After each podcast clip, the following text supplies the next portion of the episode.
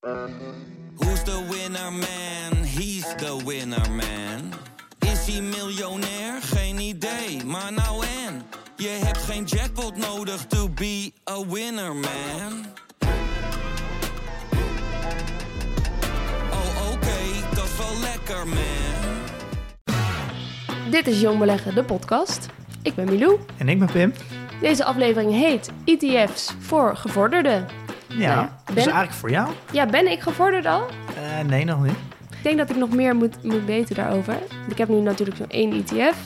En verder stokt mijn ontwikkeling daar een beetje. Ja, en dat is toch zonde? Dat je, eh, dat je verder gaat ontwikkelen. Ja, precies. Dus daarom allemaal vragen voor jou over ETF's. En dan gaan we er even dus wat dieper op in. een, eh, we gaan er diep op in. Ik ga ook huiswerk geven. Verder hebben we het over PostNL Ja, en fusies gaan we het over hebben. en Prozus. Want jij hebt dan transacties Ja, gedaan. ik heb, transacties, ik heb best wel veel transacties gedaan. Ik heb er een aantal verkocht en gekocht. Ja, oké. Dus waarvan dat is... Prozus er één is. Precies, en dat is ehm, een interessant bedrijf volgens mij. ja, waar een holdingmaatschappij. Daar gaan we het nog over hebben. Ja, je hebt er wel een visie op. En er zijn ook allemaal vragen nog binnengekomen over obligaties. En of je ook iets qua ETF met obligaties moet. Ja, dat is een onderdeel van je portefeuillemanagement. Daar gaan we het allemaal over hebben. Ja, precies. Oké, nou, ik zit er klaar voor. Ik ook.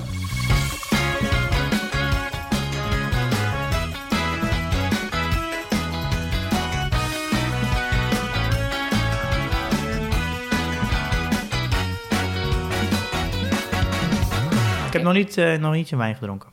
Nee, eh, ik dacht misschien kunnen we dat ook een keer samen doen. Ja, maar je komt elke keer in de ochtend, hè? Ja, ja nodig me uit. Goed. Eh, deze aflevering gaan we het hebben over iets waar ik me nou ja, ook wel heel erg in kan vinden. Ehm, we doen het naar aanleiding van een mailtje dat we hadden gekregen. Ja, een hele leuke mail van Jeroen. Ja, precies. Ja, en hij beschrijft eigenlijk een gevoel wat ik de laatste tijd ook wel een beetje heb. Namelijk dat eh, ik nu met één ETF die ik heb in mijn portfolio... dat ik denk van ja, oké, leuk, maar dat heb ik nu en dat, dat gaat een beetje zijn gang. Maar ik heb niet het idee dat ik verder heel veel bijleer over waar ik naar kijk als ik iets ga kopen bijvoorbeeld. Ik wil op een gegeven moment losse aandelen kopen... maar met één ETF heb ik niet het vertrouwen dat ik dat ook kan. Ja. Maar goed, ik zal het even voorlezen wat hij stuurt. Mijn vermoeden is dat er best een grote groep luisteraars is die de basis van ETF's nu onder de knie heeft en zich nu wenst verder te verdiepen. Ik doe de aanname dat het grootste deel van je doelgroep nieuwkomer is en dus pas in 2020 is begonnen met beleggen, onder wie ikzelf. De drempel om in te stappen was laag en dan kom je vanzelf uit bij ETF's, zoals ook geldt voor bijvoorbeeld Milou. Qua inhoud blijft dat echter vaak aan de oppervlakte. Als je eenmaal een stapje verder wilt en leergierig blijft, houdt het qua inhoud een beetje op wat betreft ETF's. Daarom stuurde ik de tip: duik in het onderwerp ETF voor gevorderden. Vul het gat tussen de nieuwbakken VWRL-kopers, dat is de World eh, Index, Ja, de Vanguard All World. eh, Ja, dat, eh. En de mensen zoals jijzelf die al veel verder zijn en met een divers portfolio met verschillende aandelen zitten. Ja, kun, kun jij daar wat mee? Kun je Jeroen en mij, of ik weet niet of Jeroen ook nog op dit punt zit, maar mensen die dus net zijn begonnen met beleggen en die ook één ETF hebben en misschien ja, wel verder willen oefenen, kan dat met ETF's? Ja, nee, natuurlijk. Je kan eh, een volledige, ja, zie je het zo, voor portfolio management doen met ETF's. Eh, Als in, jij doet je portfolio management met, nou ja, zoveel procent groeiaandelen, zoveel procent vastaandelen. Kun Ja. je dat ook met ETF's nabootsen eigenlijk? Ja, ja zeker. Ja. Eh, ja, je, je- Heeft dat zin? ja, nee, absoluut. Eh, ik denk een, een, vooral als je voor echt lange termijn belegt, dan moet je daar op een gegeven moment wel naartoe. Kijk, waarom we zijn begonnen met eigenlijk met één ETF. Dus ja, als je begint met 500 euro, dan kan je niet in één keer. Het heeft geen zin om, om een portfolio management te doen. Zoveel Nee. procent cash, zoveel procent in groei. Zo, eh, dat heeft niet zoveel zin. Dus Nee. je kan beter maar gewoon beginnen met één ETF. Dus je hebt in principe al genoeg spreiding. En, en gewoon beginnen. Maar op een gegeven moment kom je op een punt eh, dat eigenlijk de inleg die je maandelijks doet, eh, eigenlijk niet zo'n heel groot effect meer heeft op wat je al belegd hebt. Dus nu, nou, als jij nu 500 euro elke maand inlegt, heeft dat nog best wel een groot effect op wat je al belegd hebt. Ja, Maar als je op een gegeven moment richting de 10.000, 15.000 euro heen doet, 500 euro, dan heeft het niet zo heel veel effect meer.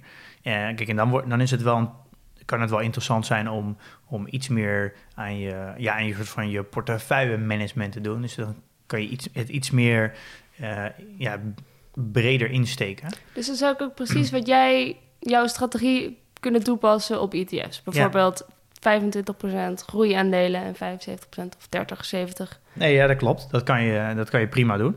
Ik kan je wel even meenemen in verschillende eh, portfolio management strategieën. Ik denk, eh, er zijn heel veel verschillende beleggers, die hebben allemaal hun eigen strategieën. En dat is Mhm. natuurlijk allemaal gebaseerd op losse aandelen. Ja, Dat zijn de grotere beleggers die natuurlijk met bepaalde strategieën komen. En die doen natuurlijk altijd losse aandelen. Maar die kan je Mhm. natuurlijk eigenlijk wel vertalen naar ETF-beleggers.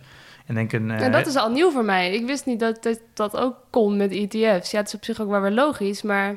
Ja, nou, de, de- kijk, de meest, en dan misschien een één stapje terug, de meest bekende vorm, en dat zie je eigenlijk bij alle fondsen ook. Dus als je bijvoorbeeld bij een, in een Rabobank fonds zit, of bij een Meesman, of nou ja, eh, ook als bijvoorbeeld bij Peaks, waar je je wisselgeld kan beleggen, daar kies je eigenlijk vaak voor vijf verschillende profielen. Ben je heel defensief of ben je heel offensief? Ja, En in het meest eh, offensieve beleg je bijvoorbeeld 90% in aandelen ja, en 10% in, in obligaties en anders andersom. precies. En dat is eigenlijk de meest simpele vorm van beleggen. Je hebt gewoon een gespreide aandelenportefeuille, bijvoorbeeld de All World, vijf- 3500 aandelen. Mhm. Eh, en dan heb je daar tegenover een eh, obligatieportefeuille. En dat is dan een ETF die bijvoorbeeld eh, de hele, een soort van werelddekking heeft in obligaties.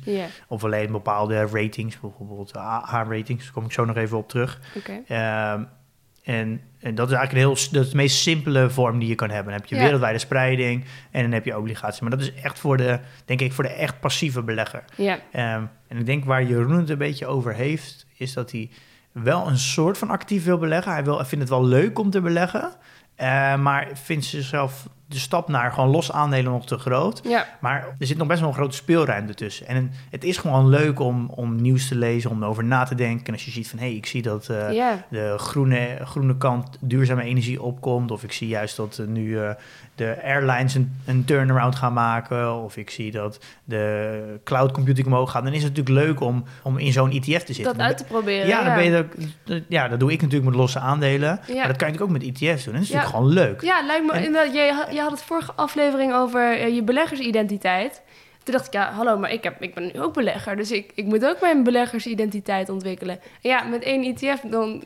Nee, dat kan niet. Maar Dat dat, is niet kan dus identiteit. prima met ETF's. En ik ja, denk dat leuk. daar zit een. Dus ja, daar, daar, je kan prima een, een beleggingsstrategie maken en je eigen identiteit kwijt in ETF's. Prima. En is dat Eh, ook veiliger dan eh, met losse aandelen?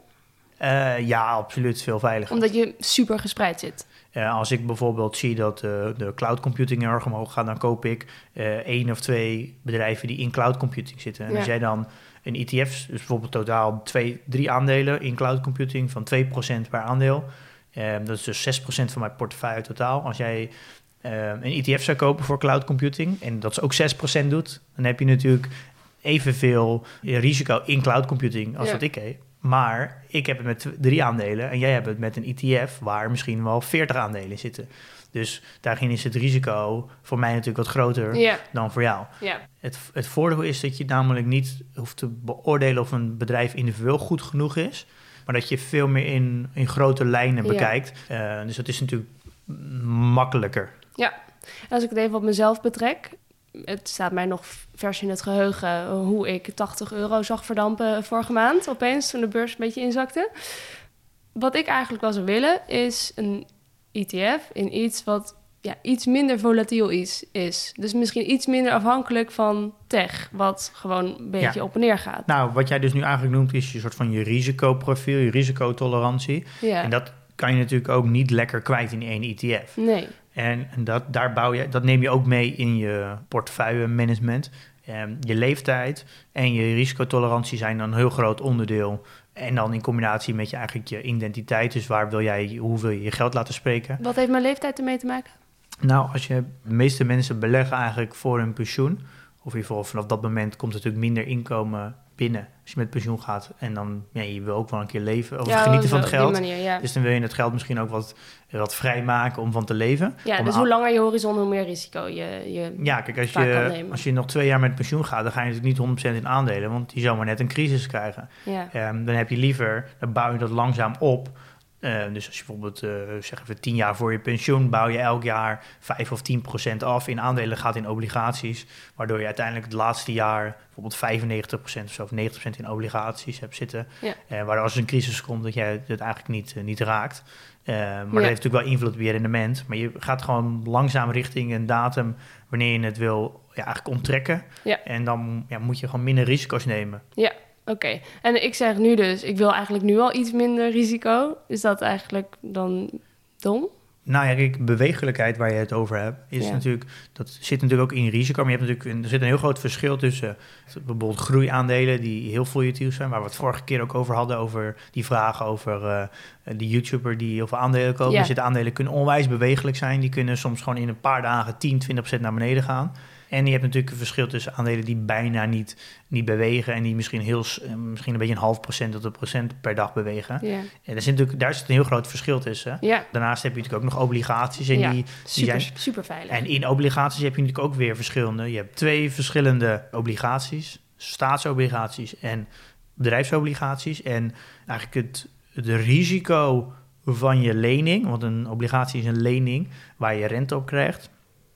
En dat risico bepaalt eigenlijk het rendement. Dus als je een staatsobligatie op Nederland neemt, dus eigenlijk gewoon ja, bijna nul risico dat, je het, dat er wat gebeurt. Omdat Nederland er gewoon heel goed voor staat. Financieel dus altijd krijg je je geld terug. ja, Waardoor je dus minder rendement hebt. nou, zelfs negatief rendement. Oh, lekker. Je, je moet geld toeleggen om een obligatie in Nederland te hebben. En daarnaast is natuurlijk Italië of Griekenland is een risicovollere staatsobligatie. En daardoor krijg je daar wel ho- hogere rente, bijvoorbeeld 2%. Ja, Dat was ook de reden waarom die eurobonds zo belangrijk was. Dus met die eurobonds hebben ze ervoor gedaan dat de hele EU garant staat voor de obligaties. ja, Waardoor automatisch het risico dus op een obligatie in Italië eh, eigenlijk onwijs naar beneden Ja. gaat. Omdat namelijk Nederland en Duitsland en zo, alle West-Europese landen staan garant voor die obligatie. ja, dus het wordt wel terugbetaald. ja, zie je dan in één keer wordt het dus bijna risicoloos Mhm. om geld te lenen. Gaat dus het- de rente extreem omlaag, wordt het dus heel goedkoop voor eh, Zuid-Europese landen om geld te lenen. Op eigenlijk de kredietstatus van, eh, Nederland, van. Noord- en West-Europa. Ja. Ehm, dus daar, dat is een, daar zo wordt de, de rente bepaald op een staatsobligatie. Ja. En dan heb je ook nog bedrijfsobligaties. Ehm, en daar wordt eigenlijk, heb je een krediet beoord, je wordt eigenlijk een soort van kredietwaardigheid krijg je. Er zijn meerdere ratingskantoren, bijvoorbeeld Moody's of eh, S&P. Mhm. En die geven een soort van kredietwaardigheid en dat wordt uitgedrukt in drie letters. En dan AAA, dat is de hoogste kredietwaardigheid. Oké, Hoe hoger je kredietwaardigheid is, hoe goedkoper je geld kan lenen. Dus dan wordt er een, ja. een, een, bedrijf zegt ik wil graag een lening. Die zet dan een lening in de markt. En die zegt nou dat heeft een kredietwaardigheid van AAA. ja. En dan eh, kunnen ze dat wegzetten tegen een half procent rente. Eh, dus de kans dat dit dan terugbetaald wordt, wordt extreem groot. Ja. En pensioenfondsen en zo, die moeten natuurlijk al hun geld kwijt. En die mogen maar een x-risicoprofiel hebben. Dus die mogen maar zoveel obligaties hebben in categorie B en C. Mhm. Daar zijn natuurlijk de obligaties in A heel erg gewild. Dus hoe slechter de kredietwaardigheid, hoe hoger je rendement, Ja. maar groter het risicoprofiel is. En nou, maar dan weet je een beetje hoe het zit met, met de verschillende. We kunnen ook, we gaan nog onze aflevering maken over obligaties. Ja. Eh, maar dit is een beetje hoe obligaties om erbij werken. Maar de, de obligaties leveren natuurlijk nu eigenlijk helemaal niks op. Als de rente laag is, heeft een obligatie ook niks op. Dus eh, obligaties kan je eigenlijk bijna wel, eh, nou niet helemaal, maar kan je bijna wel vergelijken met, eh, met cash. Want dat is natuurlijk nul risico. Mhm. Ehm, eh, niet als je heel veel hebt, ga je natuurlijk ook negatieve rente over betalen. Maar, ja, maar in principe is cash natuurlijk risicoloos. ja want want dat heb je gewoon. dat heb je gewoon. Ja. Eh, en dan heb je natuurlijk ook nog andere soort van asset-klasses noemen ze dat. En dat is vastgoed. Dat is, natuurlijk, dat is buiten gewoon überhaupt de beurs kan je natuurlijk doen. Maar je kan ook kunst hebben of, of je kan in de grondstoffen zitten. Dus heb je natuurlijk allerlei varianten. Nou, Ja. wij focussen ons natuurlijk nu alleen even op aandelen. Ja, precies. Dus ik zeg dan van ja, ik wil iets wat misschien net wat minder bewegelijk is.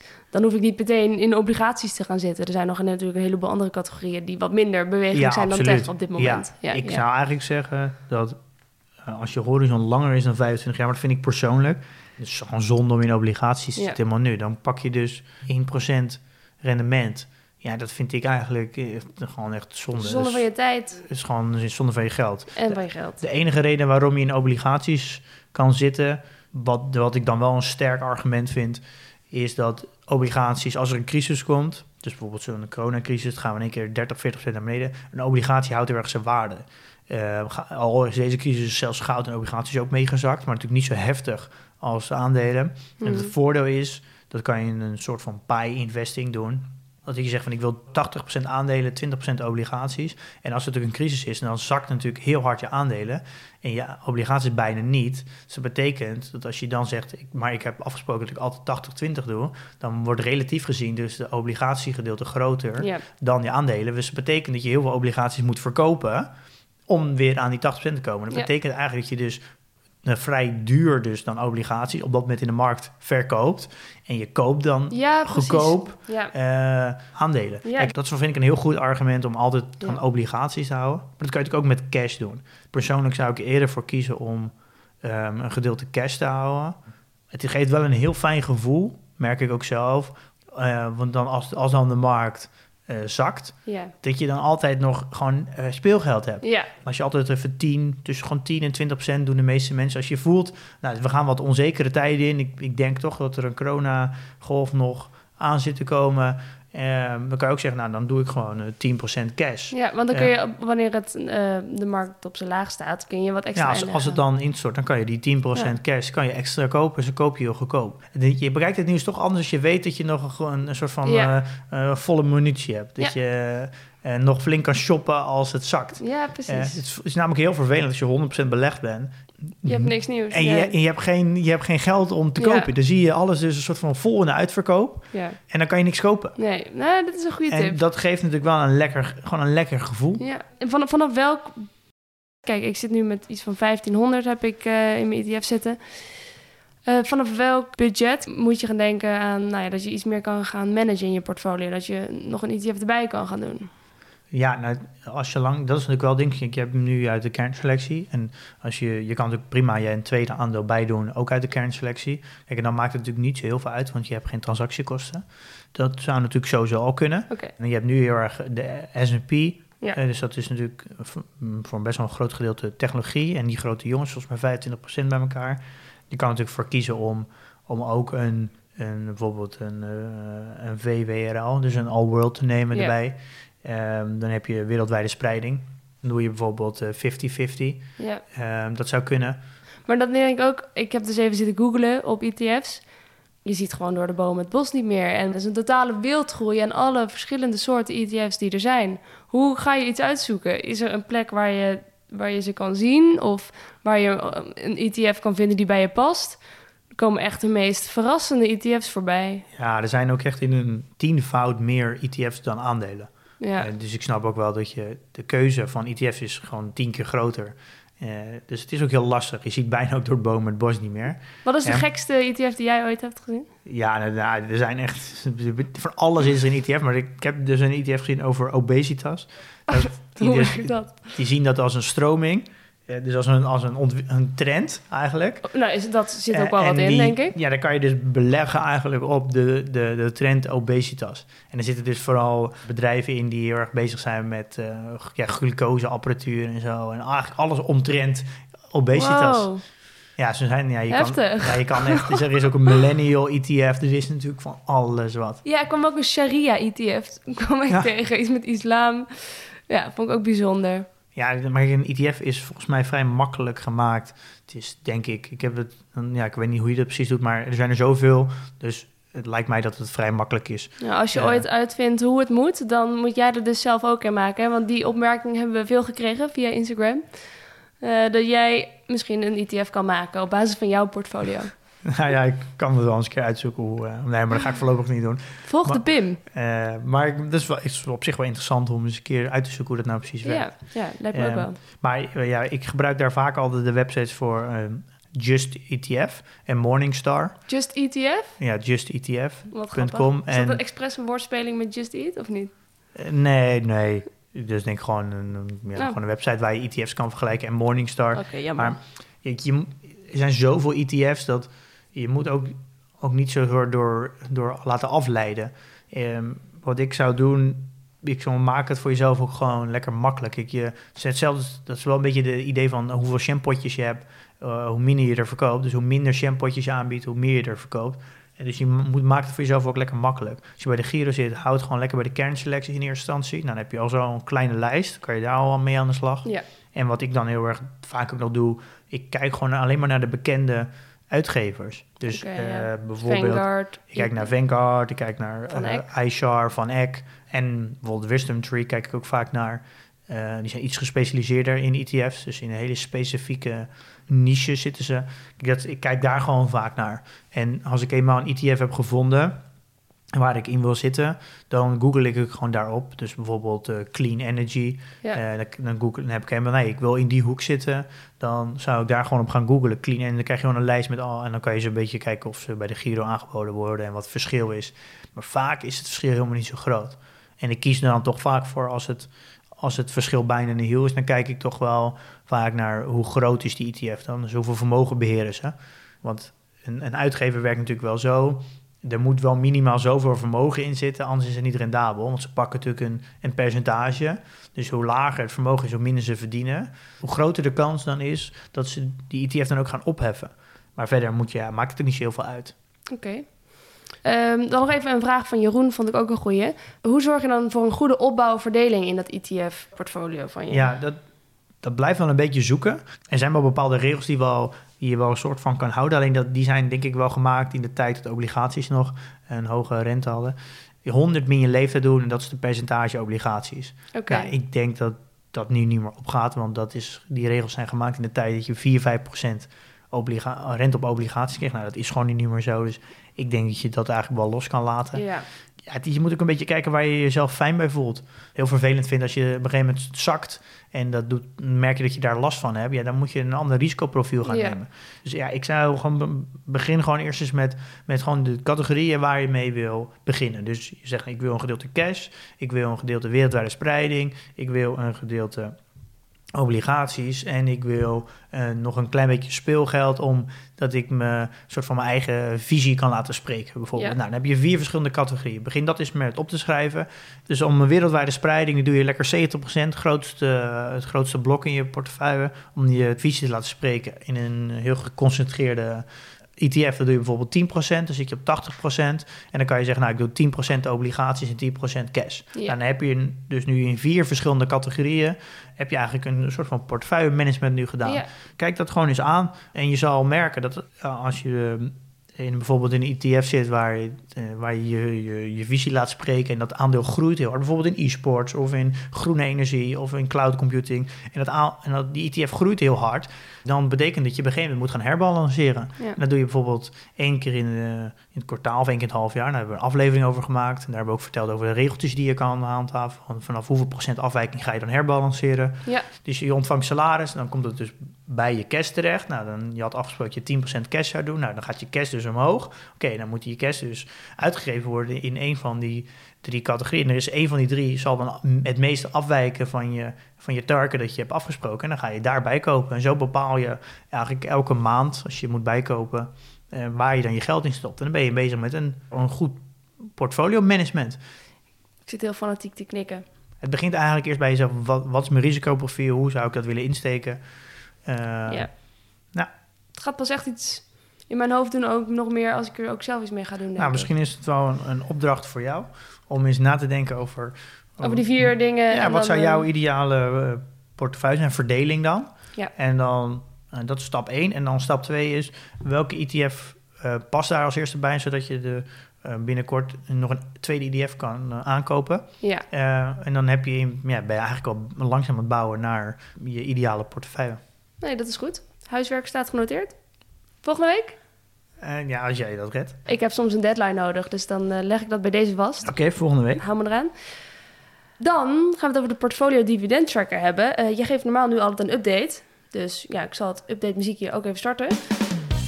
Maar wat ik nu dus denk, dit is super handig als ik straks dus eh, mijn ETF's ook allemaal verdeeld heb. Dan ga ik niet allemaal uitrekenen hoe de verdeling precies is en of het nog allemaal klopt en eh, of ik moet gaan herbalanceren. Maar dat, dat doet dat ding toch? Dat ja, nee, ja, dat, doen? dat klopt. Leuk dat je dat zegt. Want het, eh, we hebben natuurlijk constant over hoe het product nu zich ontwikkelt. Maar het is misschien wel goed om even een stapje eh, verder te doen. Dus waar willen we nou naartoe gaan? En dit is natuurlijk eh, dit is precies waar het product naartoe moet groeien. Dus het samen ontwikkelen van je eigen portefeuille. Eh, en dan ook met eh, de hulp erbij van wat is je risicoprofiel, wat is je leeftijd. En dan samen, een, samen met de tool dan om een een soort van profiel samen te stellen. En dat je daar ook in aandelen of ETF's in kan kopen. En dat je dat ook kan onderhouden. Dus als je dan afwijkt van bepaalde percentages die je met jezelf hebt afgesproken, eh, dat de software dat ook aangeeft. Nee, je wijkt iets af.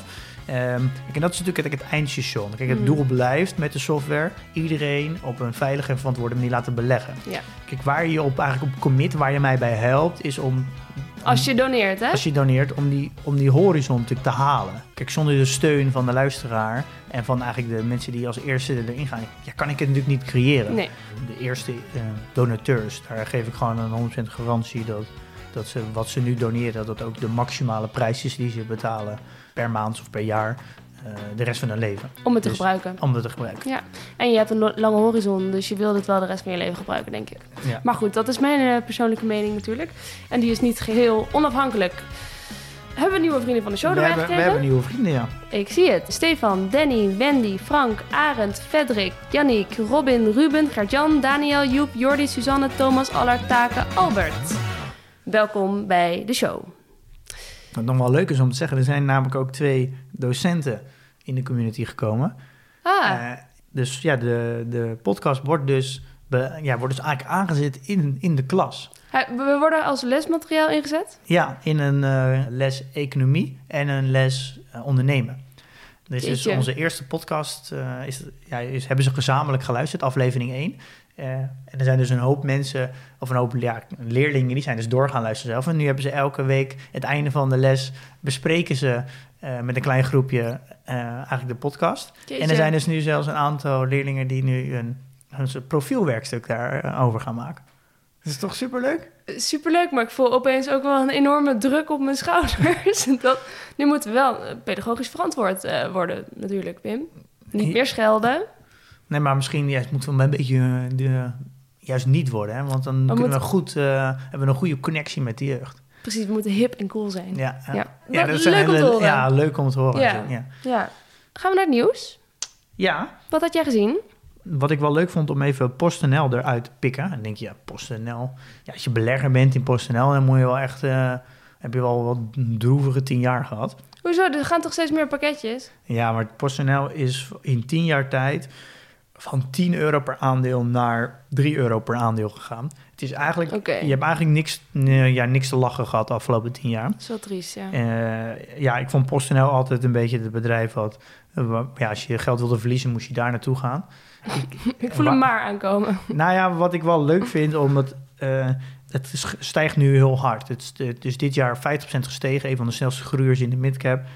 En ehm, ik wilde even laten, ja, wat uitleggen waarom het nu groeit. Ja, je hebt dus een soort van analyse achteraf, maar daar kan je natuurlijk altijd nog een hoop van leren. Oké, vertel. Ehm, nou, waarom het nu hard groeit, is natuurlijk eigenlijk vrij logisch, is dat er veel meer pakketjes worden besteld en daardoor ook bezorgd. Maar het, is- het, gaat, het gaat natuurlijk veel verder door. Is dat, ehm, er zijn veel minder auto's op de weg nu, waardoor eigenlijk de pakketjesbezorger eh, sneller op hun bestemming komen. Ze kunnen Oh ja. veel meer pakketjes bezorgen in, in een werkdag. Daar, waardoor kan je dus al met dezelfde kosten veel meer verdienen. Ehm, nou, de benzine en kerosine is nu heel erg goedkoop. Nou ja, al die busjes rijden bijna benzine. En ze vliegen natuurlijk ook heel veel. Ze hebben ook vracht, eh, doen ook vrachtverkeer.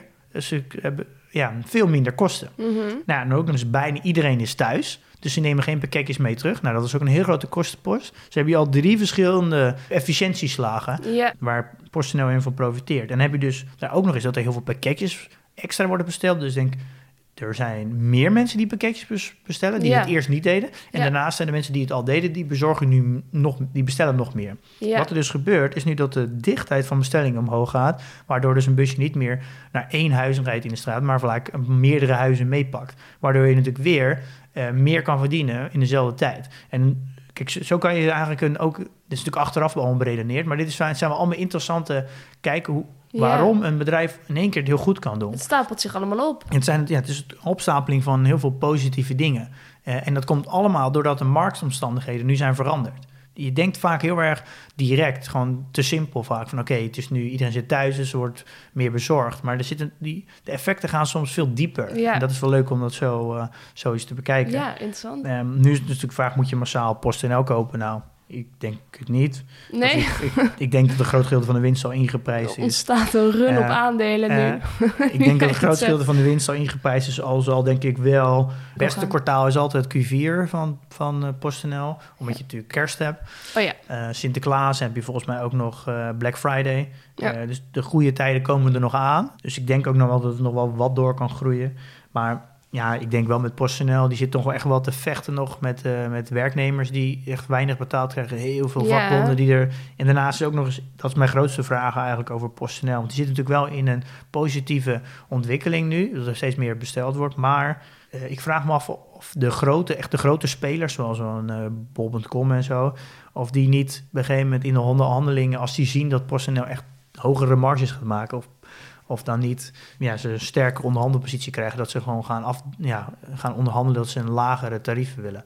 Dus ik vraag me af wat de, nou echt de onderhandelkracht van PostNL is. ja. Dus ja, even, wilde ik even bespreken, omdat het PostNL natuurlijk verrassend goed doet in deze tijd. Ja. Voor, voor alle Nederlandse aandelen. Ja. Dus Ja. volgens mij staat het in, eh, denk ik, wel in de top 5 à top 10 van best presterende aandelen Oh. dit jaar. Nou, dat voor een PostNL dat het eigenlijk de afgelopen 10 jaar eh, waardeloos heeft gedaan, is natuurlijk wel leuk om... ja, eh, je gunt het ze ook wel weer op een bepaalde manier. Ja, dus dat, eh, dat viel me eigenlijk heel erg op. Was wel, eh, was Ja. wel leuk. Het is wel leuk om zo een beetje creatief te leren kijken naar eh, wat er gebeurt en wat de effecten van bepaalde dingen zijn bij bedrijven en hoe dat op verschillende vlakken kan doorwerken. Ja, nou, ik, ik, ik beweer, wat je, waar je ook een hoop van kan leren, is door gewoon Ja. soms bedrijven in terugwerkende kracht te kijken. Of dus er worden ook vaak analyses over gedaan van waarom is dat dan zo hard gegroeid. Ja, Het is ook heel interessant om dat te lezen en om dat te leren. Ook al heb je dat aandeel zelf niet, daar kan je alweer een hoop van opsteken. ja, Ik, eh, wat ik nu zelf wel heb gerealiseerd, is mijn eerste echte crisis met corona. Dat ik denk ik, eh, af de volgende keer, ja, dan weet ik je weet, ja, weet ik natuurlijk niet om het zeker, maar dan, heb ik het, dan ga ik veel meer in de mode zitten, denk ik van, oké, er, wo- er is nu wat gebeurd. En veel meer de tijd neem, denk ik, wat voor effect gaat dit hebben? Dat, we, dat ik nog sneller en dieper ga nadenken over eh, ja, waar, waar gaan nu de, wie gaan ervan profiteren. Want Ja. in elke crisis zijn er een hoop verliezers, maar er zijn altijd winnaars, altijd. ja. Eh, en hoe eerder je die kan spotten, natuurlijk hoe beter. ja. Goeie. Pim, dan gaan we naar je portfolio. Ik heb begrepen dat je een transactie hebt gedaan. Ja, ik heb meerdere transacties gedaan. Ik merk dat ik, als ik weer even tijd heb, dan stort ik me er zelf weer even Oké, je had wat tijd over deze week. Ik heb natuurlijk al een tijdje geleden aangegeven eh, dat ik mijn portefeuille ga verkleinen. En ehm, ja, daar ben ik nog steeds mee bezig. En dat doe ik in, in stapjes. En ik heb even een overzicht gemaakt van welke aandelen zitten nu onder de 2%.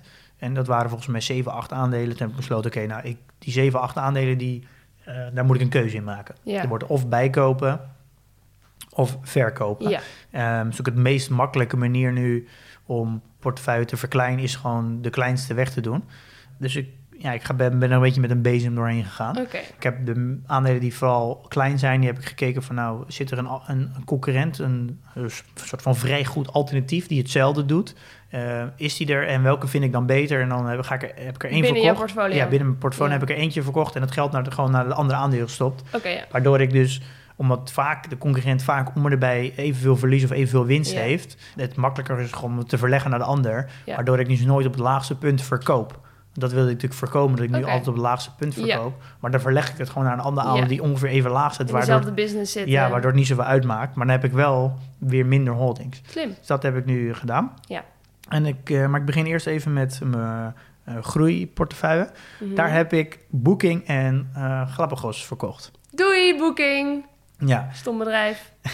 of was het natuurlijk totaal niet van morele overtuiging bij jou, maar... Nou, kijk, ehm, Booking heb ik eigenlijk gekocht omdat ik eh, van alle bedrijven in de eh, reisbranche is natuurlijk Booking bij far het sterkste bedrijf. Eh, maar ik weet, je weet natuurlijk dat ja, dat gaat echt nog wel een tijd duren voordat Booking weer dezelfde marges gaat draaien als eh, 2019. Ja. Ehm, dus ik, ik denk, pak hem gelijk even mee met, eh, met dat hij weer iets, een soort van terugbounced. En volgens mij heb ik hier iets van 30% 25 30% nu opgepakt. En het was eigenlijk altijd het idee dat ik daar gewoon even snel wat groei op pak. En ik merkte nu dat het aandeel al lange tijd een beetje bleef hangen. En ehm, dat het eigenlijk bijna weer onder de waarde stond van eh, net voor corona. Dus volgens mij nog maar 8% of zo. En dan denk ik, ja, de marges die ze hebben, of de winst en omzet die ze hebben gedraaid in 2019, die gaan ze voorlopig nog niet draaien. Dus ik denk dat de mm, groei de komende tijd wel even uit is. Dus ik heb daar gewoon eh, ongeveer 15 tot 30% op gepakt. Nou, en dat binnen, Prima. binnen acht maandjes. Nou, dat is prima. En nu dus eruit gegooid. Dus die zijn eruit. En ik had ook maar één aandeel. En Booking en Grappigos waren ook de twee kleinste holdings in mijn groeiportefeuille. Galapagos was laatst in het nieuws natuurlijk vanwege dat ehm, dat- medicijn. Ja, Nee, daar- vaccin. ja daar, dat klopt. Dat is natuurlijk dat niet goedgekeurd. Daar hebben we Ja. het overigens over gehad.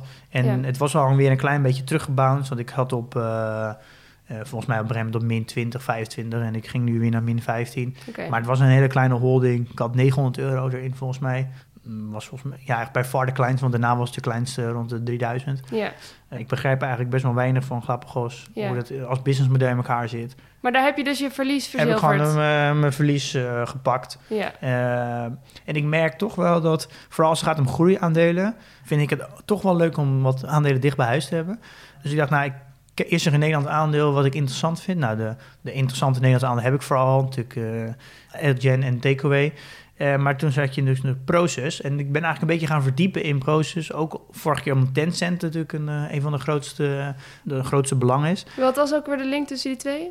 Eh Proces is een holdingmaatschappij. Ja, En die heeft een belang in heel verschillende bedrijven, waaronder Tencent. ja precies. En dat, is- dat hebben ze in een belanging van 31 procent. Grote Chinese bedrijf. Ja, en ik heb eigenlijk nooit echt interesse gehad in holding companies. Omdat je namelijk, het is best wel moeilijk te beoordelen. Want ze hebben natuurlijk heel veel verschillende bedrijven. Zijn ze eigenaar van allemaal Ja. een klein percentage. Dus het is best wel moeilijk. Ja, waar beleg je dan Het is in? eigenlijk een soort ETF, maar dan anders. Nou ja, zo kan je het bijna wel, ja, maar dan wel weer heel geconcentreerd. Ja, En ze hebben natuurlijk ook heel veel niet beursgenoteerde bedrijven. Hebben ze. ja oké. Eh, en ik heb, ben ook wel steeds meer de gedachte, ik ben nu vrij jong nog in het beleggen.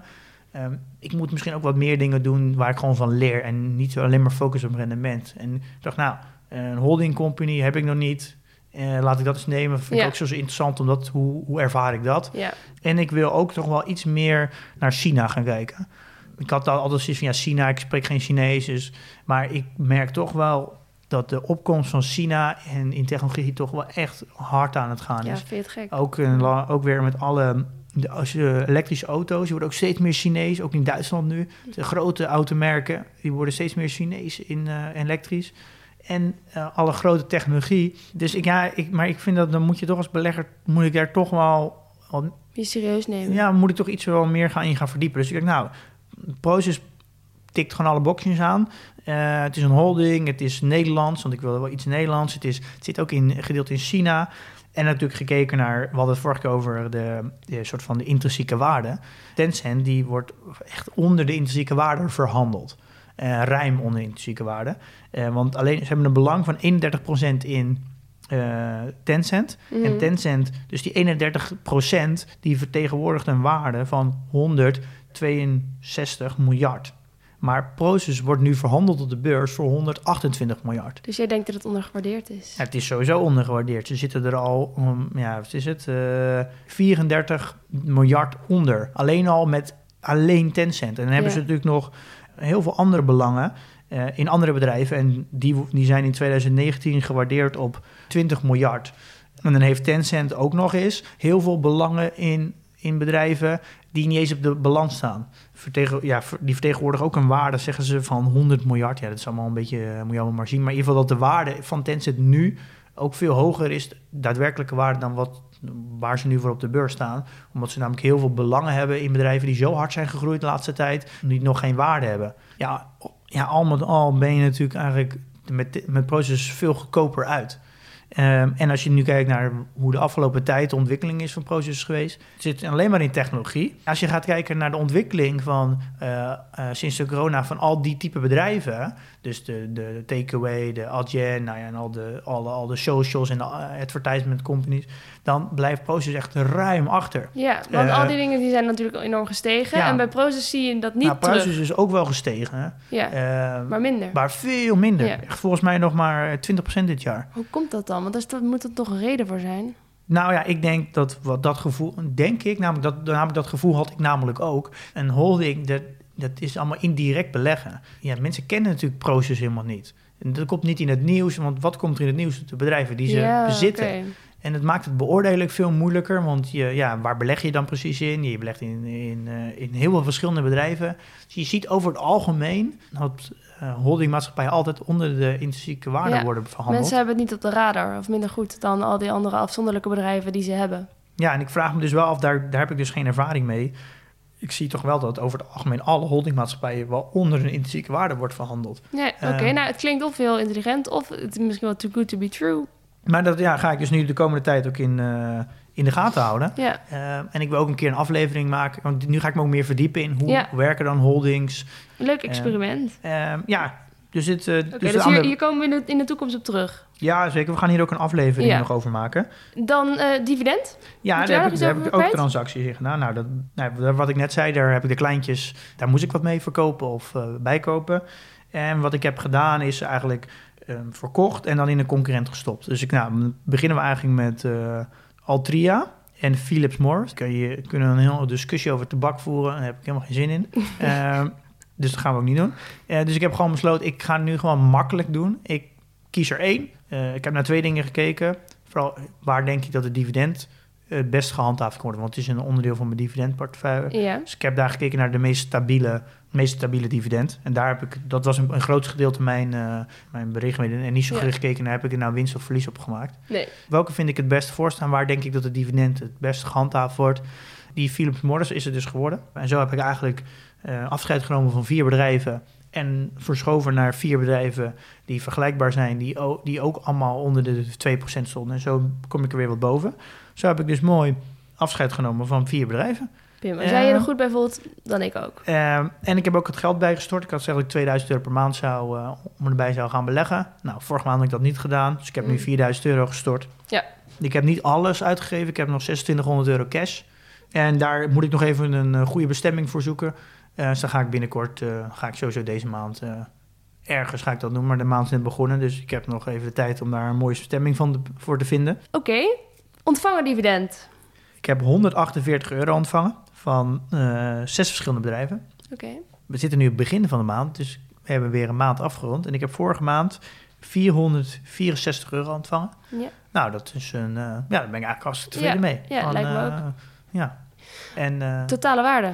ja, dat is ook weer gestegen, ook omdat ik natuurlijk wat bijgelegd heb. Mhm. Ehm 162.800. Oké. Dus ik ben hier voorbij de, de magische grens van eh 160.000 euro. Nou, ik zou je bijna rijk gaan noemen, Ik- maar dat doe ik nog niet hoor. Nou, echt magisch is het natuurlijk niet. Dat is, misschien dan meer de 200.000 is wel meer magisch. Oké, dat is de magische grens. Wat doen we als je dat haalt? Binnen afzienbare tijd? Binnen, ja, Krijg ik dan een auto van je? nee, sorry. speelgoedauto. Ja, is goed. Ook leuk. Gaan we naar reviews. We hebben ehm, een, een nieuw audiobericht. En deze komt van Wendy. Hey Milou en Pim, bedankt voor jullie toffe podcast. Ik heb een vraag. Stel je voor twee bedrijven gaan fuseren. Wat gebeurt er dan met de aandeelprijs als de een bijvoorbeeld hoger is en de een lager? Ga zo door. Dankjewel. Pim, goede vraag. Ja, nou, je hebt eigenlijk twee types. Je hebt natuurlijk acquisitie en fusie. En voor de buitenwereld is dat ongeveer hetzelfde. Eh, maar maar aan de achterkant is natuurlijk de financiële afhandeling natuurlijk heel anders. Maar bij een fusie houdt het eigenlijk in dat er altijd een bedrijf de ene ander inlijft eigenlijk. En er is altijd eentje, die kan, ja, je moet fuseren en er moet altijd eentje moet naar de ander gaan. Je gaat niet naar elkaar toe. Dus er is altijd één bedrijf wat er blijft. Eh, en dan zeggen bijvoorbeeld bedrijf A, die eh, koopt dan eigenlijk bedrijf B, maar dat wordt eigenlijk betaald met aandelen. eh, waardoor eigenlijk dus dus geen financiële transactie is. Dus zeg dat bijvoorbeeld bedrijf A is eh 10 miljard waard en bedrijf B is 5 miljard waard. Dan, en ze gaan fuseren, dan gaat bedrijf B naar bedrijf A toe. En dan krijgt bedrijf B eigenlijk van het nieuwe bedrijf, dus eigenlijk het, het nieuwe bedrijf wat gegenereerd wordt, 33% van de aandelen. Maar waarom 33 procent? Omdat namelijk de totale waarde van dat bedrijf wordt 15 miljard. Ja, En je, bedrijf, en je brengt En je wat 5 vijf. miljard in, dus dat is 33 procent. precies. En, dus zo, en eh, zo gebeurt dat vaak. En wat er dus voor wat er dus gebeurt, er gaat altijd één bedrijf van de beurs af. Bij Ja. een acquisitie en bij een fusie gaat er één bedrijf weg. Want het gaat in de ander. Dus Ja. de- er is ook maar één aandeelprijs. En ik denk dat er wel één grote verwarring is. Dat mensen denken dat de aandeelprijs iets te maken heeft met de waarde van het bedrijf. Ja, En dat heeft helemaal niks mee te Nee. maken. aandeel weg. Maar wat nou als jij dat aandeel had van het bedrijf dat verdwijnt? ja, dan wordt het, als het in een fusie is, eh, dan stemmen alle aandeelhouders, of een groot gedeelte van de aandeelhouders, stemmen met die fusie. Dat Ja. betekent dat je aandeel wordt eh omgeruild, Omgezet, ja. omgezet in een aandeel in de nieuwe, in de nieuwe Ja. combinatie. En hoef je nooit bij te betalen of zo in ieder geval. Nee, er, wordt, er hoef je Nee. geen transactiekosten ook voor te betalen. Dat wordt gewoon omgezet. Ja. Eh, ik bij een acquisitie heb je als management van het bedrijf wat, wat gekocht wordt. Dus in bedrijf B heb je eigenlijk niks te zeggen. Je wordt eigenlijk gewoon gekocht. En ze gaan natuurlijk gelijk snijden. Alle overhead gaat eruit. Je wordt ontslagen vallen er gelijk. Dus dat is wel een groot verschil. Eh, Oké. Oké. Volgende week gaan we het hebben over het businessmodel van de toekomst. ja, wat denk jij wat het businessmodel van de toekomst is? Nou, ik, ik, als ik dit dan zo lees, dan denk ik dat we het gaan hebben over hoe je ook met personeel omgaat en hoe je nou echt een duurzaam businessmodel eh, maakt. En dat dat het businessmodel van de toekomst is. Of zit ik ernaast? Ik wil het wel hebben over het beste businessmodel van de toekomst. Zijn de bedrijven die het meest stabiel zijn, crisisproof zijn en ook wel eh, waar je het beste beleid kan voeren en waar ook Ja. je het meeste rendementen kan maken. Oké, nou, ik ben heel benieuwd. Ehm, ik heb nagedacht over een afsluitzin. Wij werden gevraagd of wij niet ook even een eh, standaard zin konden bedenken om mee af te sluiten. Net zoals de Jordcast Blijf Denken, Blijf Luisteren heeft. Toen dacht ik, ja, er zit eigenlijk wel wat in. Is er nog iets leuks te bedenken? Ik vind eigenlijk nu de beste tot nu toe is... Een onthoud, jong belegd, is oud gedaan. Maar misschien heb jij nog een beter idee. Ehm, Zullen we even proberen hoe het voelt? ja, is goed. Want En kijk, jong belegd, dat, dat, dat hoeft niet per se jong te zijn geweest, maar het gaat ook over de podcast, want die heet Jong Beleggen. Ja, En het is toch wel het doel dat je gewoon, als je maar begint met beleggen, hè, je horizon is je beste vriend. ja, maar het voelt een soort van als een wijsheid. Dat je, als je dat eenmaal hebt gedaan, dan heb je niets meer aan die wijsheid. Dus, Ja, eh, dat is dus waar. dan ben je, als je eenmaal jong bent begonnen, of je hebt het niet gedaan, maar dan, dan kan het niet meer. Dus van, als je eenmaal belegd bent, dan, dan heeft die wijsheid... Dat, het moet natuurlijk zo zijn op het einde dat je Ja. weer getriggerd wordt. Oh ja, Ja, een soort van blijven luisteren, blijven doen... is iets wat je constant ja. kan blijven triggeren. Dus we moeten eigenlijk iets hebben wat hebben wat, waar je elke keer weer denkt... Oh ja, Zullen we, zullen we mensen inzendingen laten doen? ja, is goed. Oké. Eh, stuur jouw slotzin in via Instagram of mail het naar een van ons. Eh Milou of Pim, at Jong Beleggen, de podcast. Ik ga er ook nog even over nadenken. Is goed, ik ook. Nou, dan doen we nu nog maar gewoon even met... eh, mag ik hem één keer gebruiken? Ja, ja, kom op. En onthoud, jong belegd is oud gedaan. Doei, tot volgende Ja. week.